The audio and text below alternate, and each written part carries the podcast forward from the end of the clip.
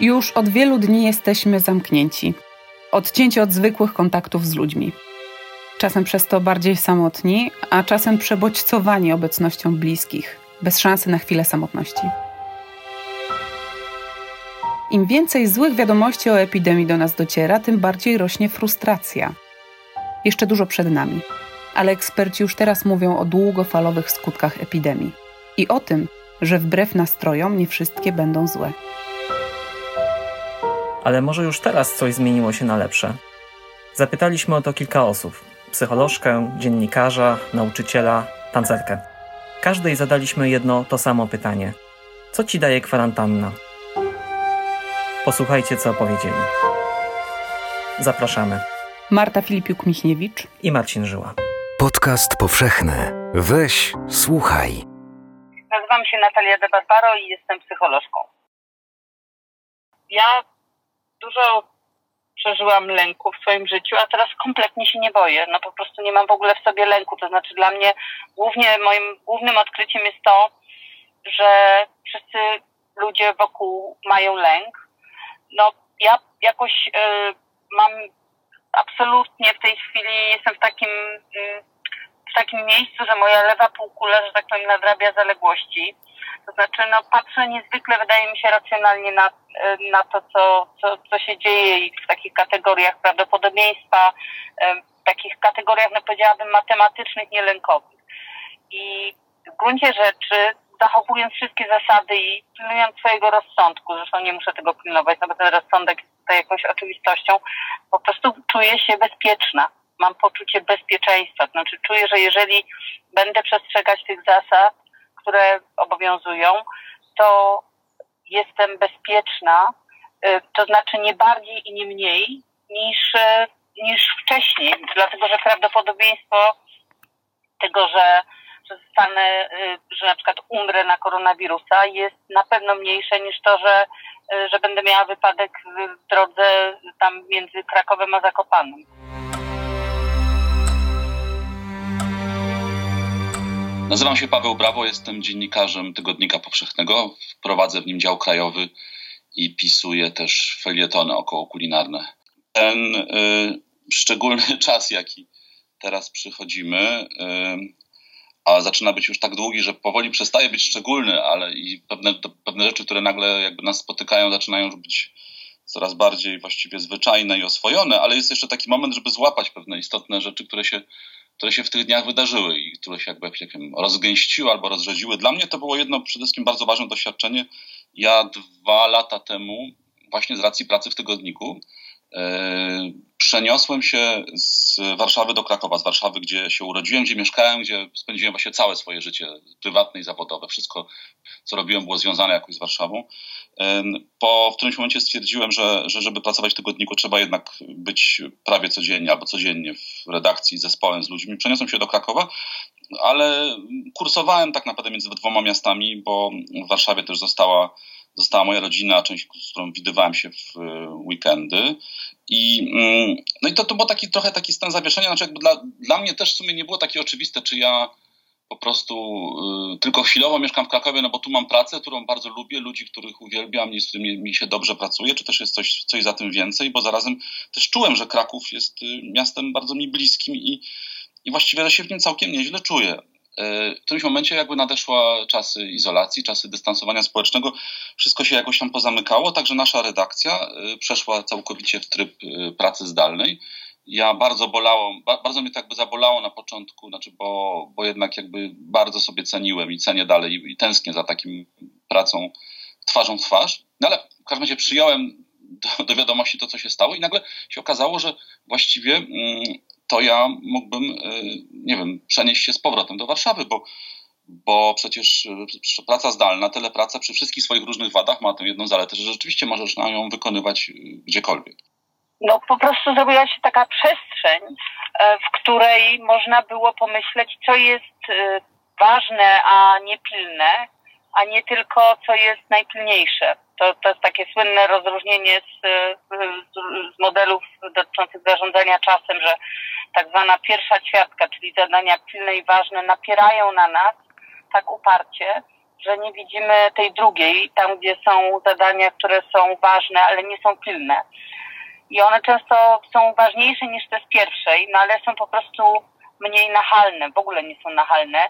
No i ten czas, dzięki temu, że ta pustka się sama wydarzyła kalendarzu, pozwolił mi zobaczyć, co jest właśnie dla mnie niepilne, ale ważne. I nagle, y, właśnie w momencie, kiedy się zniknął ten taki jakby formalny pretekst mojego pobytu w Krakowie, bo już nie, nie chodzę na Wiślą codziennie do pracy, y, to nagle się okazało, nie. Znaczy, jak ja poczułem, że ja jestem, ja jestem u siebie w Krakowie, że ja chcę, że to jest moje miasto, że ono przez te dwa lata stało się takim miejscem, miejscem z, z wyboru, miejscem bardzo moim, do którego jestem okropnie przywiązany i wiem że, wiem, że się z niego nie ruszę. I to jest tak, że dla kogoś takiego jak ja, kto nigdy nie zmieniał miejsca pobytu właściwie, zawsze spędzał resztę poprzednie swoje życie właśnie ciągle w promieniu, nie wiem, kilkunastu kilometrów, to było maksymalne moje, to, to to jest takie ważne odkrycie, znaczy, że, że potrafię, że potrafię i że potrafię, nie wiem, inne miasto wybrać, mianować moim, jakoś się polubić, się do niego przywiązać, yy, przenieść.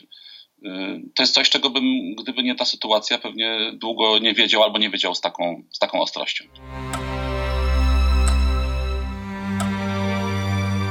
Agnieszka Foryś, belferka z Krakowa. Pożytki z kwarantanny. Udomowiłam się. Tak, siebie udomowiłam. A przecież jestem eskapistką. Od młodości zwiewam z domu. A jednak komponowałam siebie w przestrzeń, która dotąd była zaledwie sypialnią na godziny. A w tej sypialni najważniejszy mebel? Biurko. Na dwa metry długie, z wcięciem na fotel obrotowy. To przy nim nocną porą przygotowywałam się, by zaraz wczesnym rankiem uciec w świat zaokienny. A dziś Niegdysiejsza sypialnia na godzinę stała się towarzyszką codzienności niecodziennej. I zauważyłam inne meble. Kanapę z widokiem na drzewo. Balkonowi otworzyłam drzwi do domu. Dotąd był zupełnie poza, wykluczony, a ruleta na drzwiach balkonowych szczelnie zasunięta. Więc ani ja nie widziałam balkonu, ani on nie zaglądał do mieszkania. I jest jeszcze wanna. Zawsze chciałam kąpać się w ziołach i zapachach. Dotąd nie było czasu. A teraz? A teraz w towarzystwie muzyki, raz w tygodniu, kąpię się w lawendzie.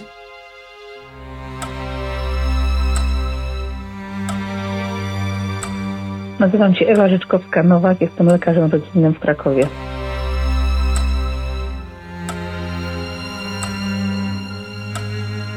Też ciekawe, myślę, pozytywne zjawisko, a mianowicie to, że niekoniecznie musimy spełniać swoje zachcianki jedzeniowe, na przykład, że coś, na, coś koniecznie mamy ochotę, wsiadamy w samochód, jedziemy sobie to kupić, tylko po prostu wiemy, jakim wysiłkiem jest teraz wyjście na zakupy, odstanie w kolejce i zdamy, a może ja właściwie tego nie potrzebuję, to może zrobimy z tego, co jest w domu, coś pysznego.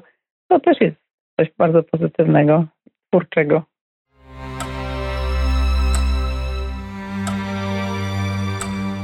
Andrzej Choryza, nauczyciel, współorganizator Slot Art Festiwalu. Myślę sobie, że większość z nas miała takie poczucie od czasu do czasu, kiedy pracowaliśmy nad czymś, co dla nas było ważne, w okresie jakiejś przerwy świątecznej, długiego weekendu. Kończył się ten okres i mieliśmy takie poczucie, gdybym miał jeszcze miesiąc czasu, gdybym miał jeszcze dwa tygodnie, wtedy bym to skończył. No i teraz mam taki miesiąc. Zostały odwołane wszystkie szkolenia, które miałam prowadzić nagle mój kalendarz stał się zupełnie pusty. Więc nad tym pustym kalendarzem siedząc i bez takiego poczucia e, tych, e, tych nadchodzących obowiązków, wyjazdów, walizek i tak dalej, i deadline'ów, nagle mm, zastanawiałam się, co ja mam robić e, w tym czasie i przyszło do mnie dość wyraźne wspomnienie tego, że planowałam napisać książkę dla kobiet i po prostu postanowiłam, że ją napiszę. W dodatku, jak zaczęłam ją pisać, bo już jestem w trakcie pisania, to się okazało, że ona tak e, wyraźnie we mnie już w pewnym sensie jest napisana, że jestem prawie jakby w takiej roli scenotypistki tej książki, Myślę sobie o tym, że, że ja bym tego po prostu nie wiedziała, gdyby nie to, co się wydarzyło.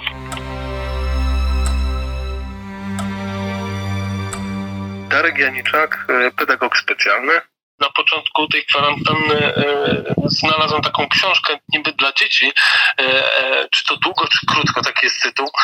Bardzo fajna, ilustrowana książka i tam autorki bardzo fajnie podeszły do, mm, do pojęcia czasu, bo zadawały pytania takie właśnie w dziecinny sposób, że jedna minuta to długo czy krótko, jeśli czekasz na przykład na mamę, żeby skończyła rozmawiać przez telefon. No i krótko, krótko jeśli E, rysujesz coś po ziemi patykiem, e, a długo, jeśli, e, jeśli tego patyka nie ma pod ręką.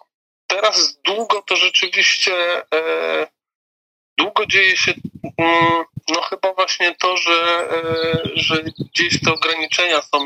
Ja lubię spacerować, lubię podróżować, więc, więc gdzieś to się odczuwa, że to już jakiś czas trwa i chciałoby się, chciałoby się właśnie już wyjść, ale to jest to długo takie, e, e, długo negatywne, tak? Bo też jest długo pozytywne i, i długie rozmowy e, z żoną, kiedy mamy na to w końcu czas, to jest przyjemne.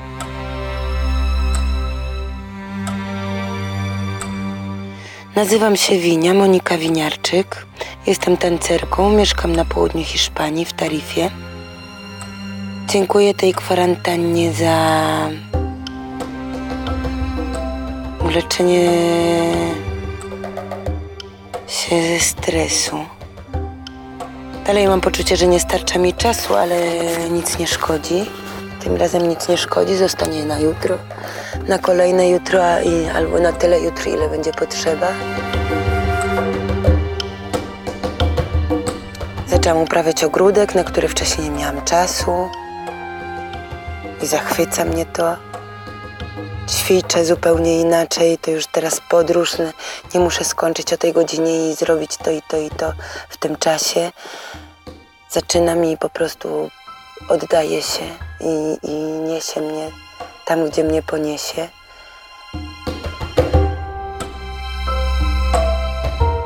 Czuję, czuję inną siłę, pewnie przez, też przez zmartwienie, które się wiąże z tym wszystkim, ale gdzieś tam dochodzi, że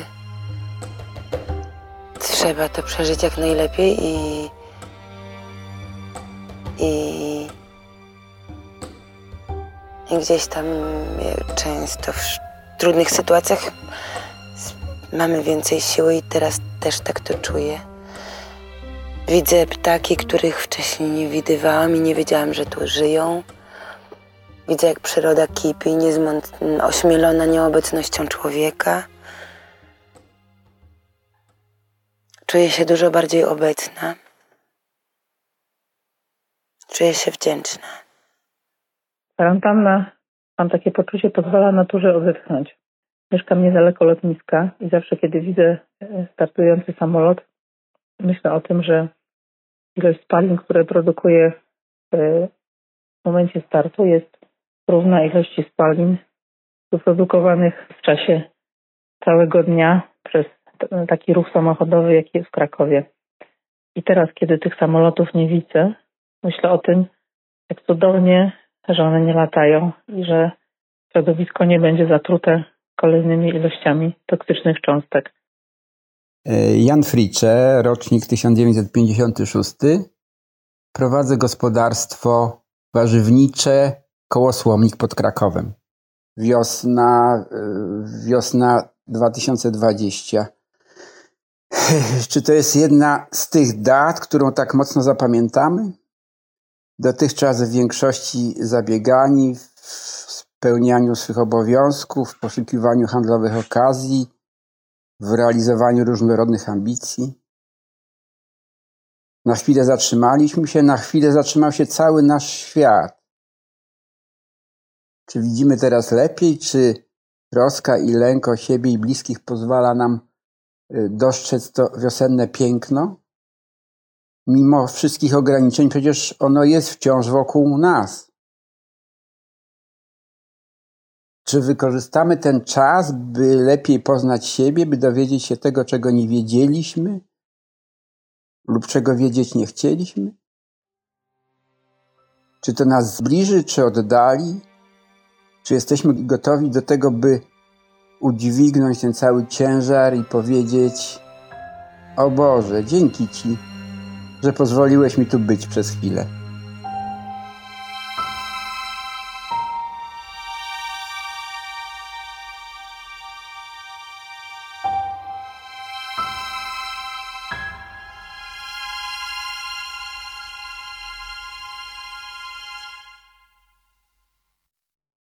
Podcast powszechny. Weź, słuchaj.